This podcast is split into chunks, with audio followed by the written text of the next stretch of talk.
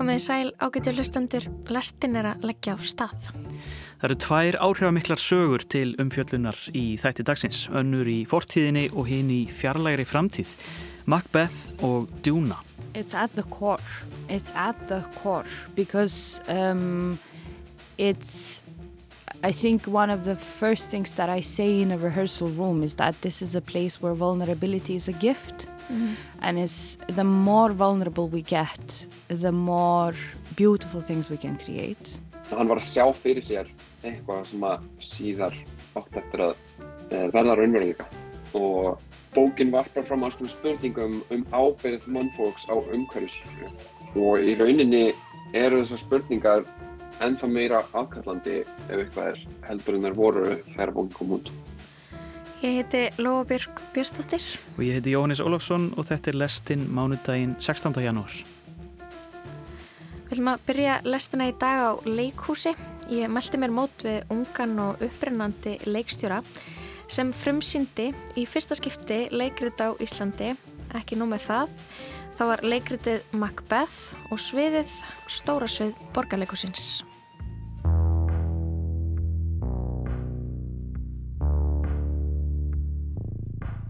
Síðastliðin förstu dag, þann 13. januar var frumsýning á Shakespeare-leikritinu Macbeth í borgarleikusinu. Hjörtur Jóhann Jónsson fara með hlutverk Macbeth og Solveig Arnarsdóttir er lafði Macbeth. Ég meldi mér mót við leikstjóran. I'm Ursula Barto, a Lithuanian theatre director. Um, that pretty much sums it up. Uppalinn í Vilnius í Litáen fætt árið 1994 leiti hún yngsta listræna teimi sem komið hefur að síningu á stóra sviði borgarleikusins þar sem allir í teiminu er í kringum þrítugt. Samkvæmt leikhús hjá trú bóðar ekki gott að segja Macbeth í leikhúsi og er fremur vísa til þess sem skoska leikritsins. Það er sögð bölfun kvíla á þessu leikriti um bölvaða mannin Það var því skemmtilegt að sjá hjátrúna raungerast á frumsýningu Macbeth á förstu deginum 13. Tæknin klikkaði, ljósinn hlýttu ekki skipunum tæknumanna og það var gert hlýja á síningunni, kortir á undan áallin. Það var stemming en það var engum mengt af þó að eflaust hafi þetta verið afar óþægilegt fyrir tæknumenn og síningastýru. Við úrsölu rættum verkið samstarfið við íslensku leikarana hlutverk leikstjórans og leikhúsins í samtímanum. Ég byrjaði á því að spyrja hana hvernig þetta gekk allt saman.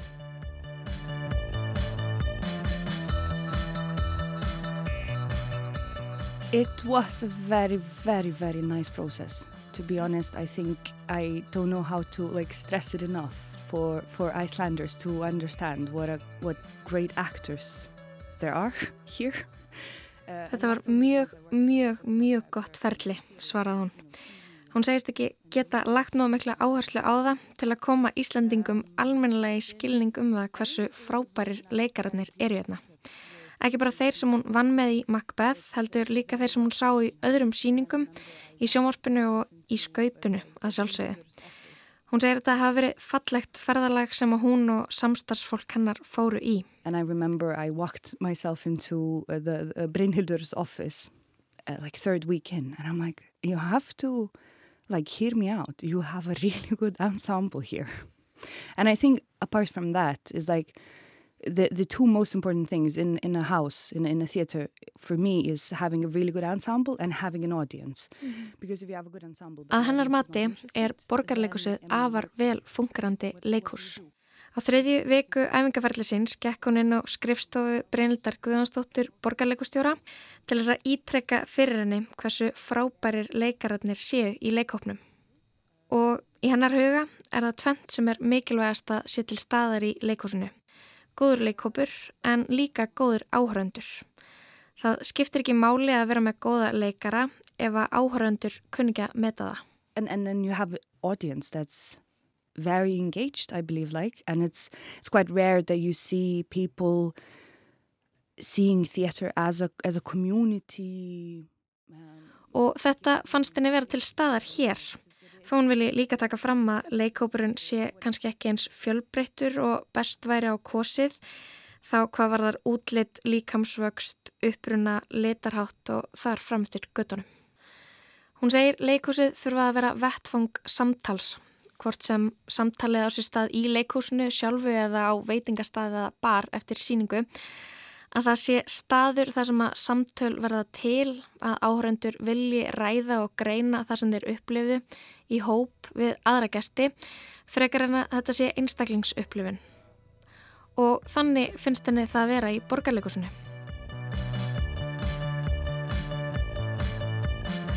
Ég spurði hana út í viðbröð áhöranda en það er mikill húmor í hennar uppsetningu á Macbeth og sumt fekk mikinn hlátur en annað ekki. Hvaða viðbröðum átt hún vona á? Um, the day before the premiere in the dress rehearsal, we had very young audience come in, and they, you know, they, they were laughing twice as much as the older audience that came in on the on the premiere, and that to me was like, aha. Á generalpröfunni fenguðu að var ungan áröndahóp sem hún segir hafa hleið mun meira en eldri hópurinn á frumsýningunni og hún hafi spurt sig hvort hún hafi gert grínleikritið Macbeth. Það sem er kannski hryllingur verksins, segir hún, er að það færði til að hlæja hlutum sem eru skelvilegir. Og það er kannski það sem hún stendi að því að gera. Þú heldur að þetta sé grín og glens og ferða hlæja, en svo koma lítil ugnablík þar sem þér að líða af var óþægilega.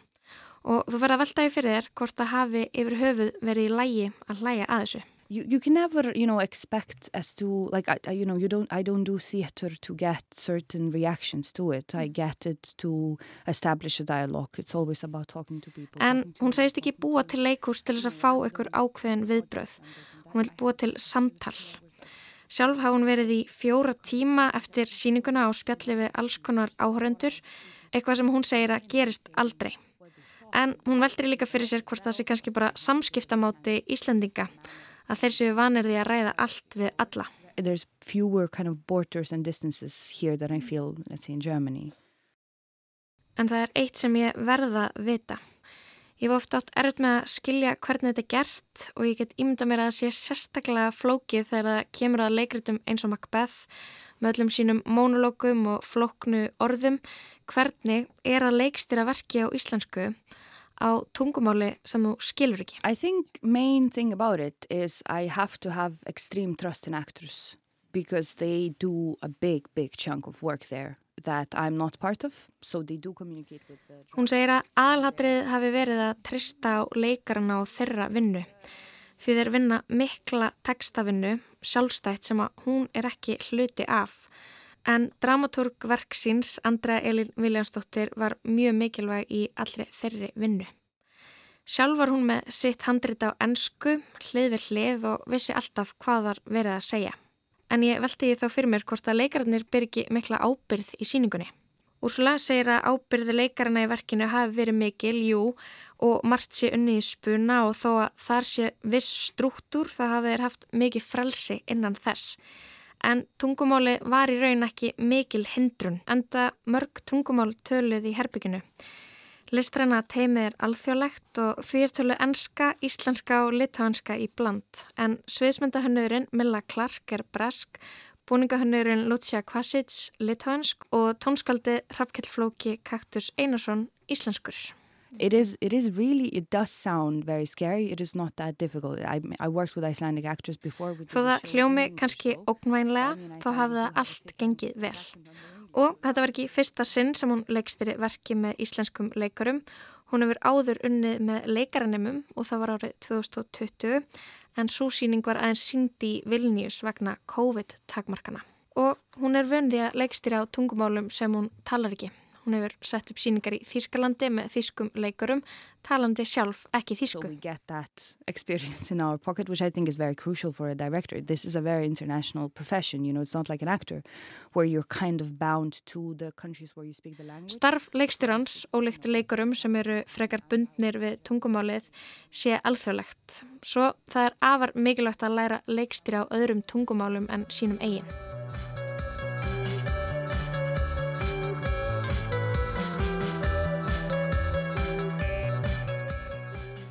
En ég vildi vita meira um verkið og hvaða þýðingu það hefði í hennar huga að setja þetta verku upp árið 2023.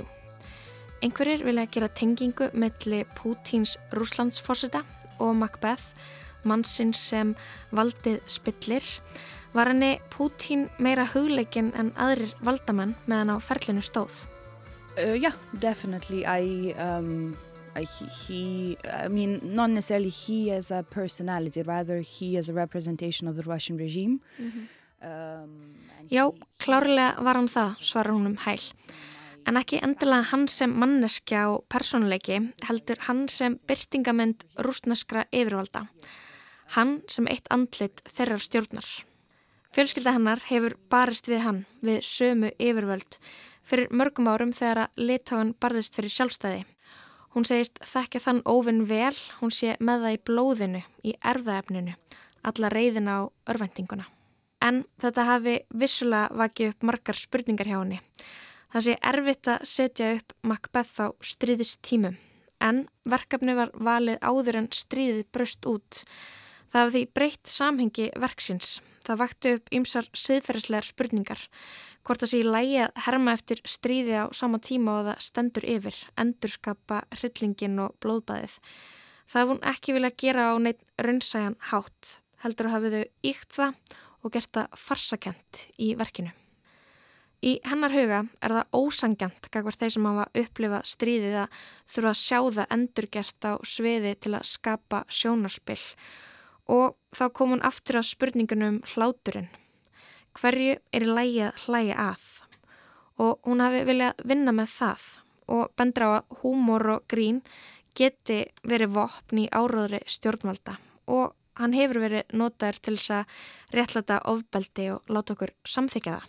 Hún reyndi að nota húmórin í síningunni þannig að finnar senur sem áhörundur hlæja að umbreytast yfir í eitthvað ógislegt sem að brítur hláturinn upp og þá fyrir við að spyrja okkur spurninga og við þögnum.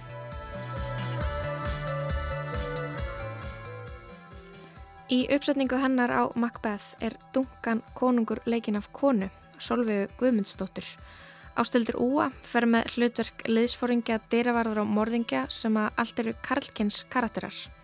Macduff hjónin eru bæði menn, það eru Björn Stefánsson er Macduff og Haraldur Ari Stefánsson er herra Macduff. Ég spurði hana hver sín hennar var fyrir þessa uppsetningu og hvað hún vildi gera við þetta verk. I mean, again, the conversation started before the war in Ukraine began, and that was like in 2021. I believe that we started talking about the show, and then COVID happened again. Mm. Um, so the adaptation was the, the process of adapting was really long. Uh, it's the longest I had, which I would I would come back every once in a while. Hún segir ferlið að hafa tafist mikið vegna COVID og þar á leiðandi hafi undirbúningstímin verið lengri en það sem hún hefur vanist og margt sem var ákveðið á undirbúningstímanum breytist þegar sviðsvinnan hófst en hún segir þau hafa verið mjög trú söguþræði Shakespeare. Þau hafi ekki gert rótækar breytingar á honum og þetta sé í raun alls ekki mjög rótæk nýja afbyggð uppsetning á Macbeth og alls ekki jafn afbyggt og mörg hennar fyrri verka. Það sé í raun mun rótækara hvernig þau vinna með textan. Í ferlinu áttu þau mikið af samtölum um kyngerfi og veltiði fyrir sér hvaða þýttið að láta konu leika konung væri þá konungurinn kona, ekki endilega. Þau leika sér mikið með kyngerfi í verkinu en eitt af því sem Macbeth hræðist eru konur, að kona eða manneska geti fætt nýtt líf og það endur speglast í lafðið Macbeth og Macduff og Nordnunum að sjálfsögðu. I think the there's no finite answer, like a definite answer of what is gender. You know, Aslud Ua, one of the actresses in the ensemble, uh, in the first, I think in the first rehearsal, she she she was like, "Oh, so what is a woman in the show?" That was that was her question. It sticked with me throughout the ten weeks mm -hmm. because I don't have a definite answer of of what is gender in this world. Hún segist ekki vera mann eitt eitt svar við því hvað kyngerfi og kyni þessum heimi sem þau sköpuð á sviðinu táknar en spurning leikonunar ástildar úu á fyrsta degi í æfingaferlinu satt í henni allt ferlið þegar hún spurði hennilega hvað er kona í þessu leikriti.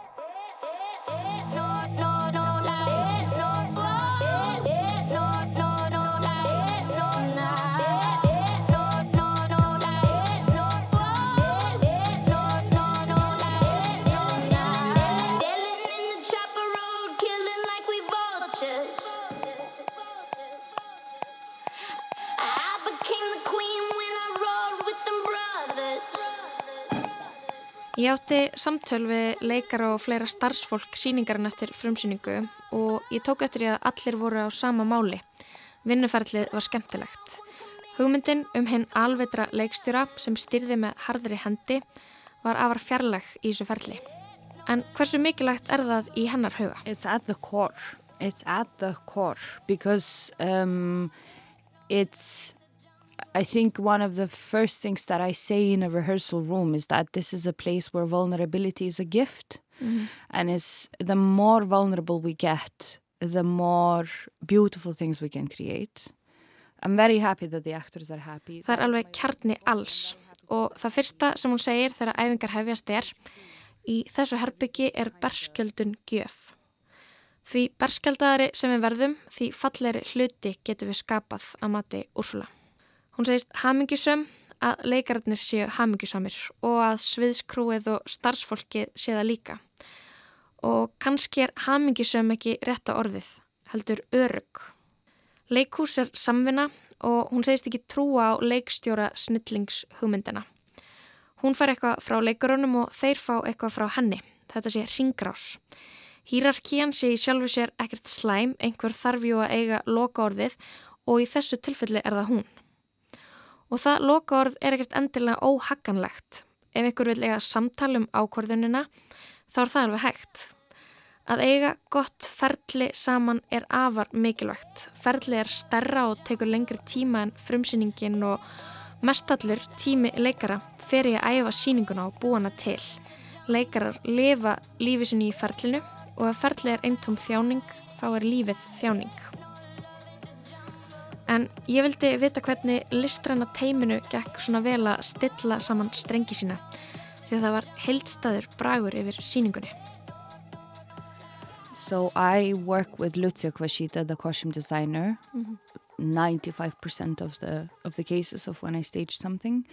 So she's my most, uh, you know, loyal teammate and, and that's usually not the case for a director. It's usually a set designer that's like right hand woman or a man you know? Hún segist oftast vinna með sama búningahönnuð í 95% tilvika þá er það með Lucia. Oft séu leikstjórar fastir með sviðsmyndahönnuð en í hennar tilfelli er það búningahönnuðurinn. Þar sem aðdragandin var langur og mörg Google Drive farið þeirra á milli þá hafðu þau náða að stilla sig vel saman og skilja hvort annað But I think this has to do with the fact that this is a very young team. Mm -hmm. All of us are 30 something. You belong to the same generation. We are the same generation, and there's something about our generation which I maybe is very hopeful. I think we talk stuff out. I mm -hmm. think we do communicate a lot and En hún veltiði líka fyrir sér hvort að það hefði eitthvað að gera með aldur þeirra hversu vel samstarfið gekk hefði allir verið meðvitaður um sína ábyrð. Það er eitthvað við okkar kynsluð sem er vongott. Við ræðum málinn, eigum samskipti og við komum öll með samkend og ást inn í þetta ferli. Það er eitthvað við að vera á sama aldri og vera yngst til þess að gera aðal síningu ársins í borgarleikusinu. Allir lögðu sér fram og skildu að ábyrð þeirra væri mikil og þau vildu auðvitað standa undir væntingum. side.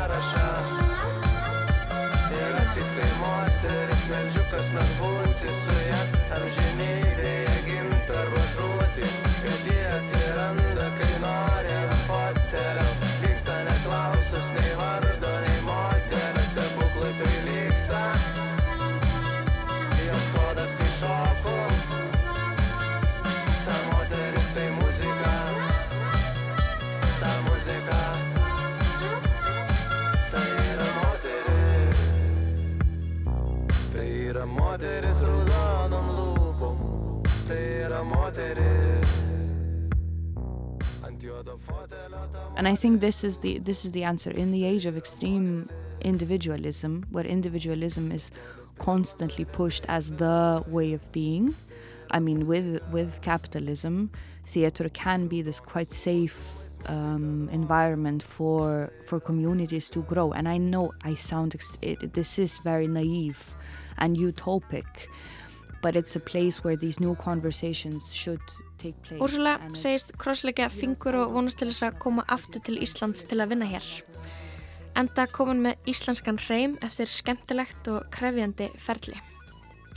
Við rættum í blálógin stuttlega um hlutverk leikúsins og ég spurði hana hvað hún teldi leikúsu geta táknað fyrir okkar kynsloð, hvað hlutverk það hefði.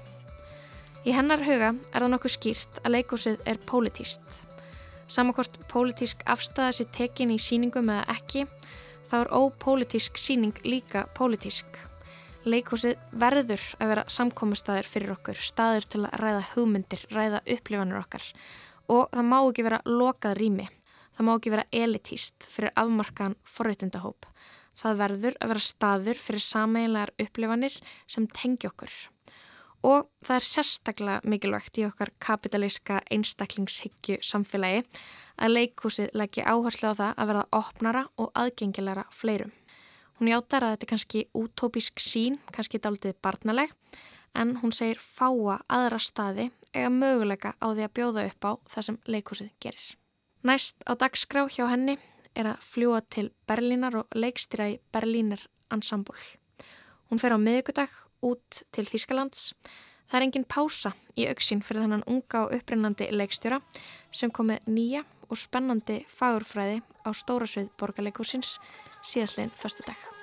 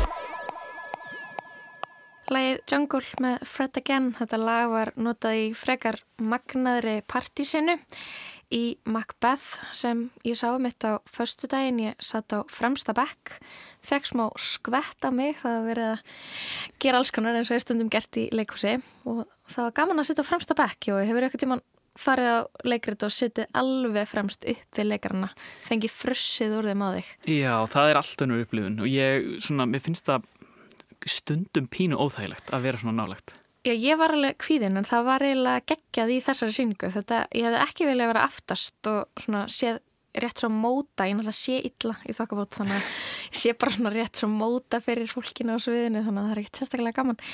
Um, Herru, annar lag sem við herðum í þessu einslægi það var með litáhanskri hljómsveit sem heitir Solo Ensembles sem er eitthvað svona dans, tilröndakent, post-punk, elektró þetta er frá hljómsveit frá Vilnius. Þetta lag er líka notað í, í síningunni um, notað í mjög skemmtilegri senu það er svo lifandi flutningur á því en ég ætla ekki að spilla meira úr leikritinu. Eh, ég rætti við Úrsulu Bartó sem er leikstjóri Macbeth. Hún leiti yngsta listræna teimi sem hefur komið að svona síningu á stórusvegi borgarleikusins. Háttíðarsíning borgarleikusins í ár, hvorki meira niður minna. Mjög spennandi. Ég laka til að sjá þessa síningu. En uh, úr Shakespeare ætlum við að fara lengst út í game í fjarlæga framtíð og fjallum bók sem er algjör kanona í vísinda skaldsagna heiminum.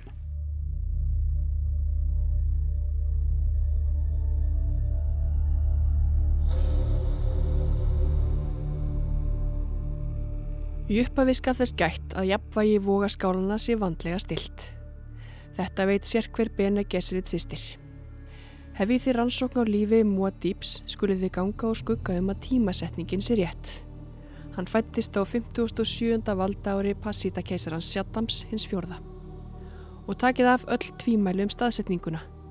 Saga Muad'Dibs gerist á plánutunni Arrakis Látið ekki blekki ykkur að hann fættist á Kaladan og bjóð þar sín fyrstu 15 æfi ár. Plánetan Arrakis, sem við köllum Dúnu, er að eilífu hans staður. Úr handbók um Muad'Dib eftir Írúland prinsessu. Viku fyrir brottför þeirra til Arrakisar, þegar ákafinn við undirbúning ferðarinnar var næstum orðin að óbærlegu æði, kom kærling nokkur að heimsækja móður drengsins Páls. Nóttin var hlý yfir Kaladan kastala en innan æfa fornara grjótvegjana sem höfðu verið óðalsetur atreifsættarinnar í 26 kynnslóðir andaði köldu eins og jafnan þegar veðrabriði voru í aðsí. Gömlu konunni var hleyftin um hlýðardirnar innar á kvelftum ganginum næst herbergi Páls og fekk að líta hann augum eitt augnablík þar sem hann lá í rúmi sínu. Drengurinn hafði rumskað og í döfum bjarma sviflampans sem hjekki í lausu loftin álat gólfinu sá hann breyðar útlínur konunar sem stóð fyrir framannmóður hans í dyragettinni.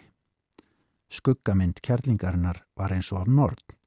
Hárið líktist reikföllnum kongulórvef sem lág eins og úvinn kúpull yfir dökkri ásunu hennar, augun glitruðu eins og gimstinnar. Er hann ekki lítill meðan þið aldur, Jessica? spurði gamla konan. Röddin var kvell og kvæsandi eins og vannstilt balísetta. Móðir Páls svaraði mjúklega með allt rödd sinni. Hann er að vætt aðtrefsmanna og þeir eru þekktir fyrir að taka seint út þroska æru verðu að abadís.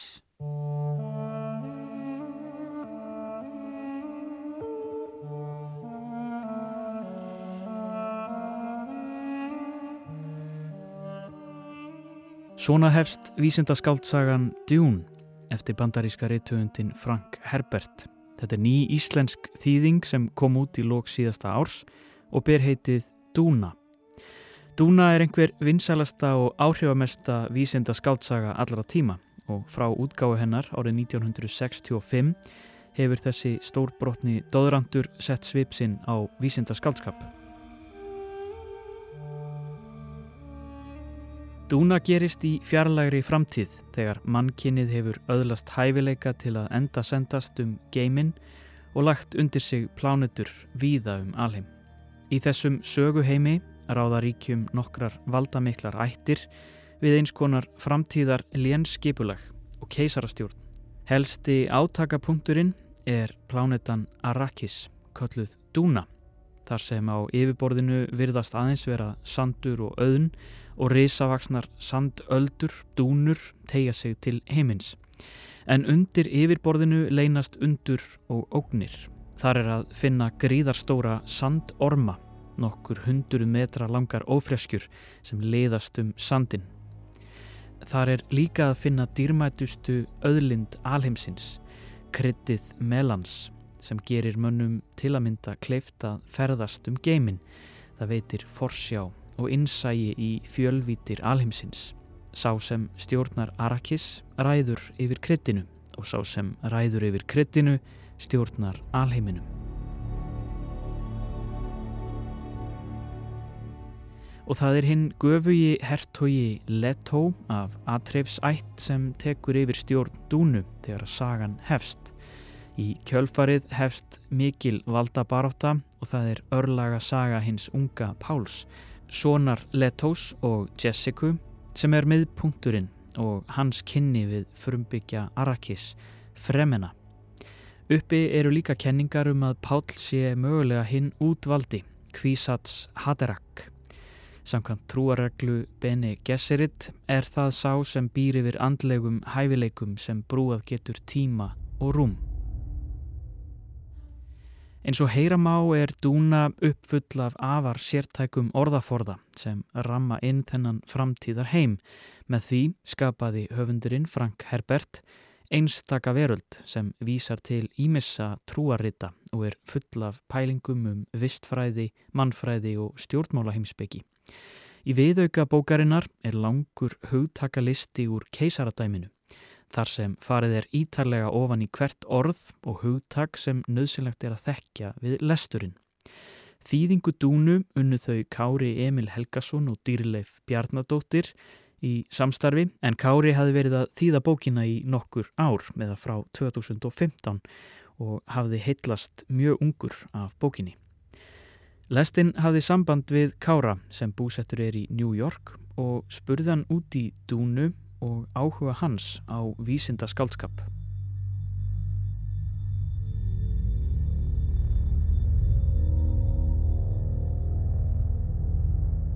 Ég elskaði Star Trek sem krakki. Livði fyrir sunnudaga þegar að Rúf síndi Star Trek.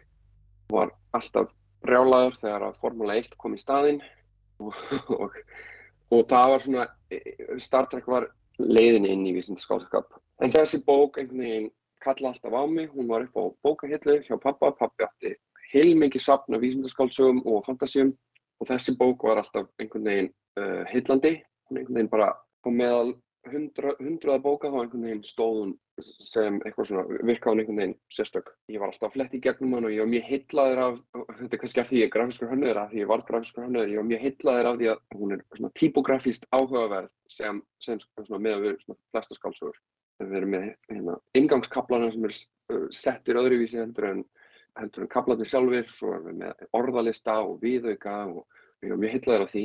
Uh, ég var heit, mjög heitlaður af orðalistanum sjálfum og ég var alltaf að lesa orðalistan sem kannski tíu ára krakki. Uh, svo þegar ég var 12 ára þá reyndi ég að lesa bókina uh, en ég held ég að ennskan hjá mig var ekki orðin alveg nógu góð og textin hefur alltaf virkað á mig sem rosalega heilstæð eining. Heimsköpunin er rosalega lifandi og allt orðaval og stíl er rosalega útvegsað og mér er mjög alltum að koma því til skila þegar, þegar ég, svo, þegar ég loksins byrjaði á að, þýða bókina. Geirat, Gafla, Ganima, Gildið, Giuditjar, Giedi 1, Gínas ættarveldið, Glónöttur, Gom Jabar, Gríteksflötur, Grúman. Þetta er aðeins brot úr orðalistanum í viðauka dúnu úr G-hlutanum til þess að gefa hlustendum smjörþefin af þessu tungutaki. Ég spurði Kára hvort ekki hafi þurft að byrja á því að þýða listan. Hvar byrja maður á að þýða djún? Þetta, þetta er rauninni starra heldur en bara orðalistin. Því að orðalistin er með alls konar hugtök sem eru ekki til í samtíma mannkynns uh, að mestuleiti. En í ofunalag þá er allur stíltekstans í rauninni yfirfullur af tökuorðum og þau eru misframandi allt frá frönsku uh, í hva, þriðja kabla, þá er það slett frönsku mm. uh, og svo eru við persnesku Patisja keisaran uh, Patis, Patisja er, er persneska sem þýðir bara föður konungur og eitt af erfiðast að vera ákveða hversu mikið á tökuorðum ætti að hafa í textanum af því að það er svo mikil hefð fyrir því að forðast tökuorð í fítni íslensku og takmarkið með íslenskri málstefni hefur raunin alltaf verið einhvers konar hreinsun, mm. uh, frekar heldur upptaka heimsborgarlegra tökuorða frá Evrópu og þetta var, uh, satt að segja, var þetta eitt af því sem að ég og Dýrleif uh, tókumst áum, svo að segja, þegar hún kom inn í verkið, var þess að, finna þennan, þetta jafnvægi millir hefðbundunar bókmynda íslensku og minnar uppröðulegur sínar sem var miklu útlensku skotnari og það þurfti að finna hva, hvaða jafnvægi hendar íslensku. Hvað virkar fyrir íslenska lesanda, af því að íslenska og enska í rauninni lúta mismunandi lögmálum. Enska er eðlisínu uppfull af tökuorðum og íslenska er, er samkvæmt hefð með eins lítið af tökuorðum og, og, og þetta er. Og við reynum eftir framstum megni að aðlaga orð og það kannski er nöðsynlegt út á málkerfi íslenskunar að aðláða orðin meira. Titill bókarinnar, Dúna, er dæmi um þetta stóra verkefni. Kári segir að það sé eitt af hornu orðunum úr indo-evrósku máli um fyrirbæri sem við þekkjum sem sandöldur en festi ekki rætur hér á Íslandi eflaust vegna þess að það eru fáar sandöldur til að talum. Það stóð til að færa vísanir í orðfæri bókarinnar nær íslenskri menningu og tungutaki en það hefði flægt hlutina. Önnur stóð spurning sem við stóðum framifyrir var að ákveða hvort við ættum að nota norræn góðsagnarhutök sem grundvöld af þýðingum orða. Og á tímabili kom til greina að þýða Kvissats Hadarak sem bifrastur og þýða Bene Gesserit sem velkýrja. En sagnaheima bókarinnar er svo yfirfællur að tilvísunum nú þegar. Það eru vísanir í biblíuna, kóraninn, bútisma, geðingdóm og við ákvaðum á endanum væri einum og mikið að vera að bæta við tilvísunum í snorrætu sem eru ekki í frumtekstan. Við þurftum að setja upprunatekstan í forgang fram yfir þjóðlegt fagurferði. Það er eitt, eitt orð sem að og kannski tekur eftir á fyrstu blaðsviðin bókarna sem er hugull og það var orð sem ákvaðum að færa nær íslenskunni og meðan við ákvæmum til dæmis ekki að hérna, færa Bene Gesserit nær og þá var svona ímislegt sem kom til þar og þú veist að ákveða þú veist, tala, spurningum um það jafnvægi sem að þetta ekki er á ennska orðið mentat er miklu gegnsæra heldur en til dæmis Bene Gesserit og það er alls konar kenningar um hvað Bene Gesserit þýðir og það er að tólka það á ýmsan hátt. Á endanum ákvæðu það er best að hafa það bara þannig og fólk, ef, ef fólk hefur áhuga á að dýfa sér ofan í hvað Frank var að hugsa með þessu orði þá getur það gert það út frá þá upprunulega hérna, ákvarðunni en mentat er miklu gegnsæra á ennsku og huglarnir á að hverstarslegt hlutverk í heiminum sem Bene Gesserit-durnar hafa ekki. Já, huglar eru svona fólk sem hefur tekið fyrst að livjum og fengið rosalega stífa þjálfun frá barnisku og þetta uh, eigur reikning getur hugað þeirra þannig að þeir í rauninni geta starfað sem uh, mennskar tölfur af því að í söguheiminum hefur á allar tölfur verið bannaðar útvistun mennskra aðtapna til, uh, til vila er, er forbóðin í trúarbröðum, trúarbröðum bókarnar. Og trúarbröð koma mikið við sögu í dúnu. Frank Herbert sækir mjög í menningu mið Östurlanda og til Íslam og tekstinn ber það skýrt með sér. Kári segir að það sé erfitt að setja þýðendur í tólkunarsætið en til eru ótal leiðir til að skilja hvernig Frank Herbert vinnur úr arabísku áhrifum tekstans. Sem þýðendur bókarinnar þá vil ég helst ekki leggja of mikið mat á mögulega tólkanir vísanuna af því að ég, ég, ég vil að fólk geti upplifað eigin skoðin á, á, á hvernig allt sem þýðir. Það, það, það, það er margt, margt til á netinu um, um, um hvernig er best að tólka hérna, grundvallar átökin í bókinni sem að snúast um kryddið sem að er hugbreytandi efni sem er bara til á plánundinu Arrakis og á þessari plánundu Arrakis uh, búa freyminar og þeir eru innfætt þjóð mannfólks sem er búin að búa hana í þúsund árið eitthvað og þeir eru í rauninni arabíski bedúinar, hýrðingjar og þeir sletta arabísku og trúabröðin sem að þeir ástunda nýta íslamsk, íslamsk hugtök en yfirleitt í smá breyttri merkingu frá nútíma Íslam.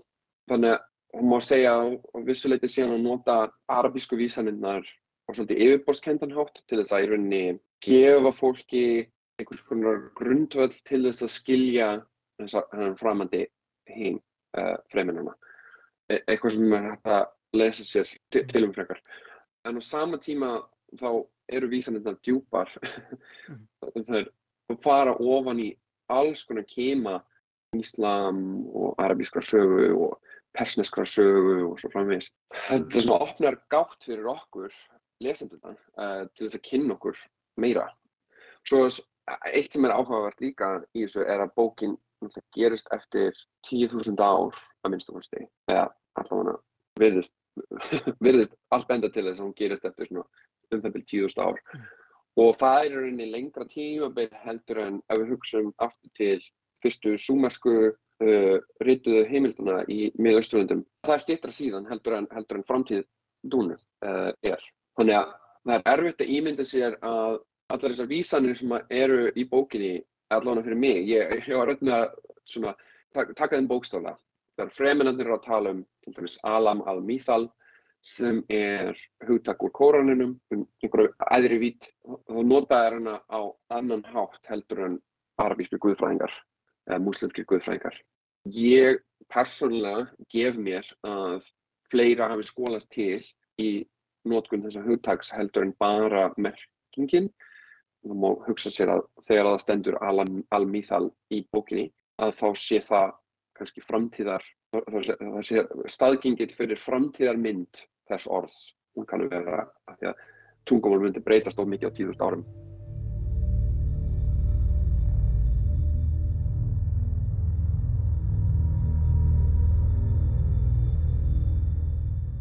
Eins og fyrr segir er vistfræði stór hluti af dúnu. Frank Herbert var mjög hugleikið að rannsaka hvernig umhverfið mótar mannin og maðurinn umhverfið í mjög öfgafullum aðstæðum fjarlægra solkerfa. Það er því freistandi að setja söguna í dag í samhengi við þær vistfræðilegu breytingar sem mannkinn stendur frammi fyrir með lofslagsbreytingum.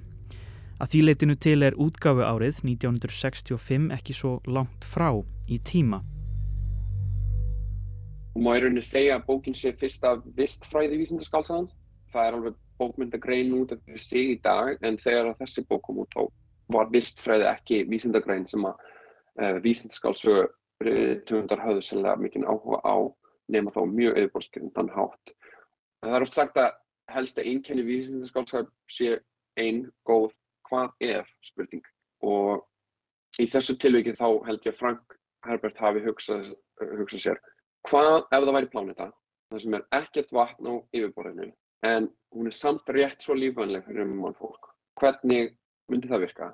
Hvað gæti orsakað þessar aðstæður? hvernig væri hægt að hafa hérna, andrumsloft ef það er ekki vatn og hvernig myndi líf fólksins vera og af hverju myndi það vilja búa á þessari plánu. Þetta, þetta er rauninni kveikju, spurningin sem er kveikjan á allri, söguri og ef þú ferði gegnum þessar spurningar þá áttar á því að í rauninni svarar bókin þessum spurningum og út frá þessum fórsendum skapaðan heiminn og hann rannsakaði og kynnti sér vistfræði í rauninni notar þessa bók til þess að kenna fólki grundvallar vistfræði hugtök. Um, en mér finnst líka áhugavert að benda á að þó uh, 1965 þá er rosa mikil vakning í umhverfismálum almennt og jú, láfslagsbreytingar voru þekktar en orsakirnar voru ekki þekktar 1965.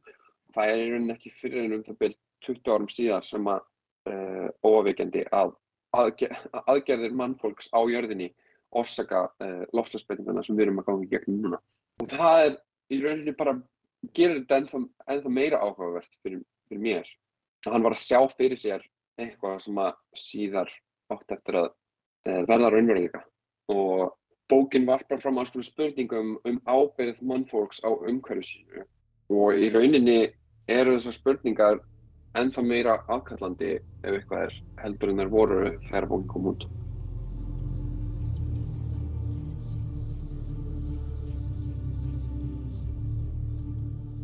Orðaforðin og hið flókna tungumála umkörfi sem Frank Herbert skapar í dúnu segir Kári að hafi verið líkt við aðrar æfintýra sögur og fantasýr sem nýta sér tungumálið á svipaðan hátt til að skapa söguheim og mynda sér sérstöðu. Það má alveg segja að þessi bók vofi yfir bókmyndagreininni eins og sandormur. Þú sér eðimerkur og henta sandorma og game keisaradæmi og svo framvegis í alls konar vísindarskálskap. Eh, þannig að bara svona, eh, svona hugmyndir, yfirbórskjöndu hugmyndirnar sem að koma fram í bókinni eru, eru teknur upp eins og segir í Star Wars og, og Mad Max og svo framvegis. Og svo er líka, svo er líka alls konar áhugaverðar ef þú hugsaður um, um Pál aðal söguhetju bókarinnar hans, hans ferðalag úr því að vera í rauninni erum kannski að fara út í hérna, það er að setja spilli viðverun hann, hann, hann ber frá því að vera í rauninni fullkomið barn. Í að verða fullkomin full, fullorinn einstaklingur. En undirtótnin er hins vegar sá að þrátt fyrir að hann sé fullkomin þá það eru alls konar hlutir sem eru sem hann getur ekki stöðvað. Stríð og, og trúarofstæki eru hlutir sem að hann hefur ekki stjórn á þátt fyrir að hann er unni fylgkominn og það er svolítið áhugaverð svona personu gerð þetta er rauninni svona afbygging á hetjuhugmyndinni sem er svona grundvöldurinn að sögani og ég held að það sé okkur sem að við tekjum mjög vel í, í skálskap Já, ekki bara svíðinskálskap heldur bara í skálskap yfir höfuð.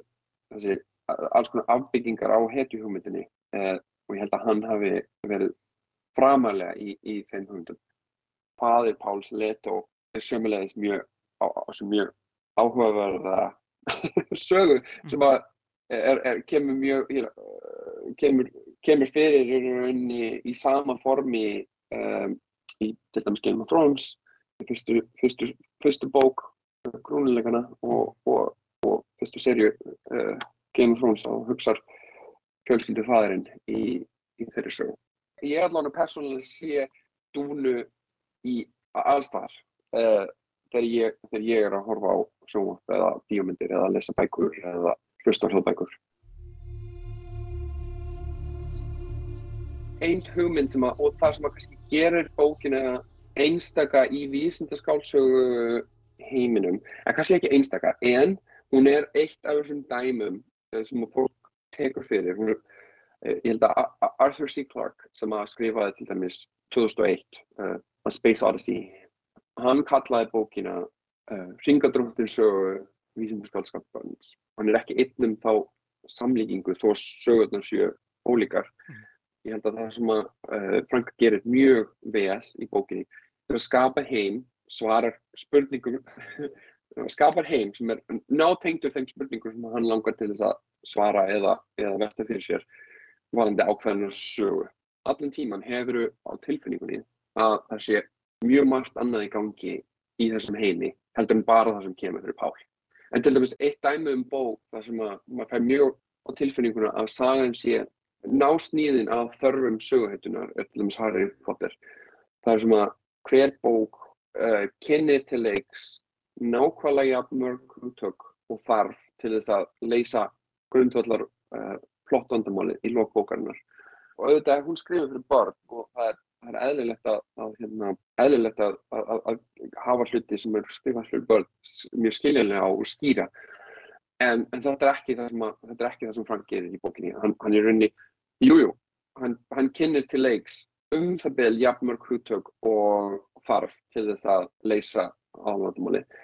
En hann er eins og táframöður, hann, hann, hann felur þau og blandar þeim inn í bakgrunnin og í ofanálag kynir svo til leiks 30-40 viðbútar húttök sem stækka heiminn í, í viðugum bókarinnar. Þannig að það er að klára söguna og þú skilur hvað var að gera. Svo lestu viðuguna og þá hugsaður þau, hæ, það, það er ennþá stærri heimur og við getum flóið til X og Rísjas og, og allra hinna plánundina og þetta í öðru æfindi.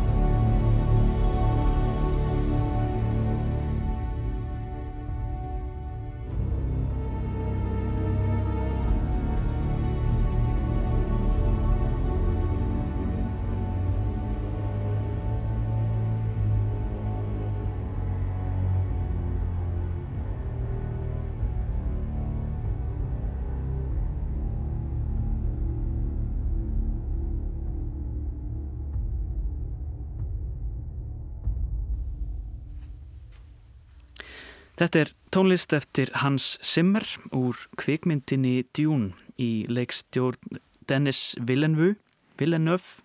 Kann ekki alveg berita fram en myndin kom út árið 2021 svo mynd var já, byggð á fyrri hluta bókar Frank Herberts Dúnu sem við fjöldluðum um og rætum við Kára Emil Helgason þýðanda. Setni hluti Dún kemur svo út uh, já, er væntanleg í november margir spenntir yfir því, hefur þú séð þessa mynd?